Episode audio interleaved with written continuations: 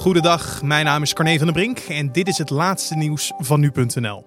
Nog eens 63 personen in Nederland zijn overleden aan de gevolgen van het coronavirus. Hiermee is het dodental opgelopen tot 276. Dat liet het Rijksinstituut voor Volksgezondheid en Milieu weten in de dagelijkse update. Het aantal bevestigde besmettingen is met 811 gestegen naar 5560. Het werkelijke aantal besmettingen ligt echter hoger. Door de beperkte testcapaciteit kan niet iedereen getest worden. De Olympische Spelen van komende zomer worden definitief uitgesteld naar 2021. Dat heeft het Internationaal Olympisch Comité bekendgemaakt. Door de huidige omstandigheden en de informatie die we van de Wereldgezondheidsorganisatie hebben gekregen, hebben we de conclusie getrokken dat de Spelen moeten worden verplaatst. Dat schrijft het IOC in een officiële verklaring. De Spelen zouden van 24 juli tot en met 9 augustus op het programma staan. En het is nog niet bekend wanneer het grootste sportevenement ter wereld nu gehouden wordt.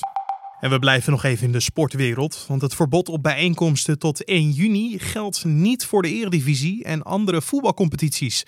Dat maakt de KNVB bekend. Het ministerie van Volksgezondheid, Welzijn en Sport heeft de Voetbalbond laten weten dat wedstrijden en competities in de sport buiten het verbod vallen. Sportclubs moeten nu vooralsnog tot zeker 7 april de deuren gesloten houden. Maar nu zal er gekeken moeten worden hoe ze na april de competitie mogen en willen hervatten. Er zijn een aantal scenario's, zoals het spelen zonder publiek, maar eventueel ook, als het echt niet meer kan, het schrappen van de overgebleven duels. Vanwege het coronavirus voeren supermarkten en drogisterijen per direct een deurbeleid in.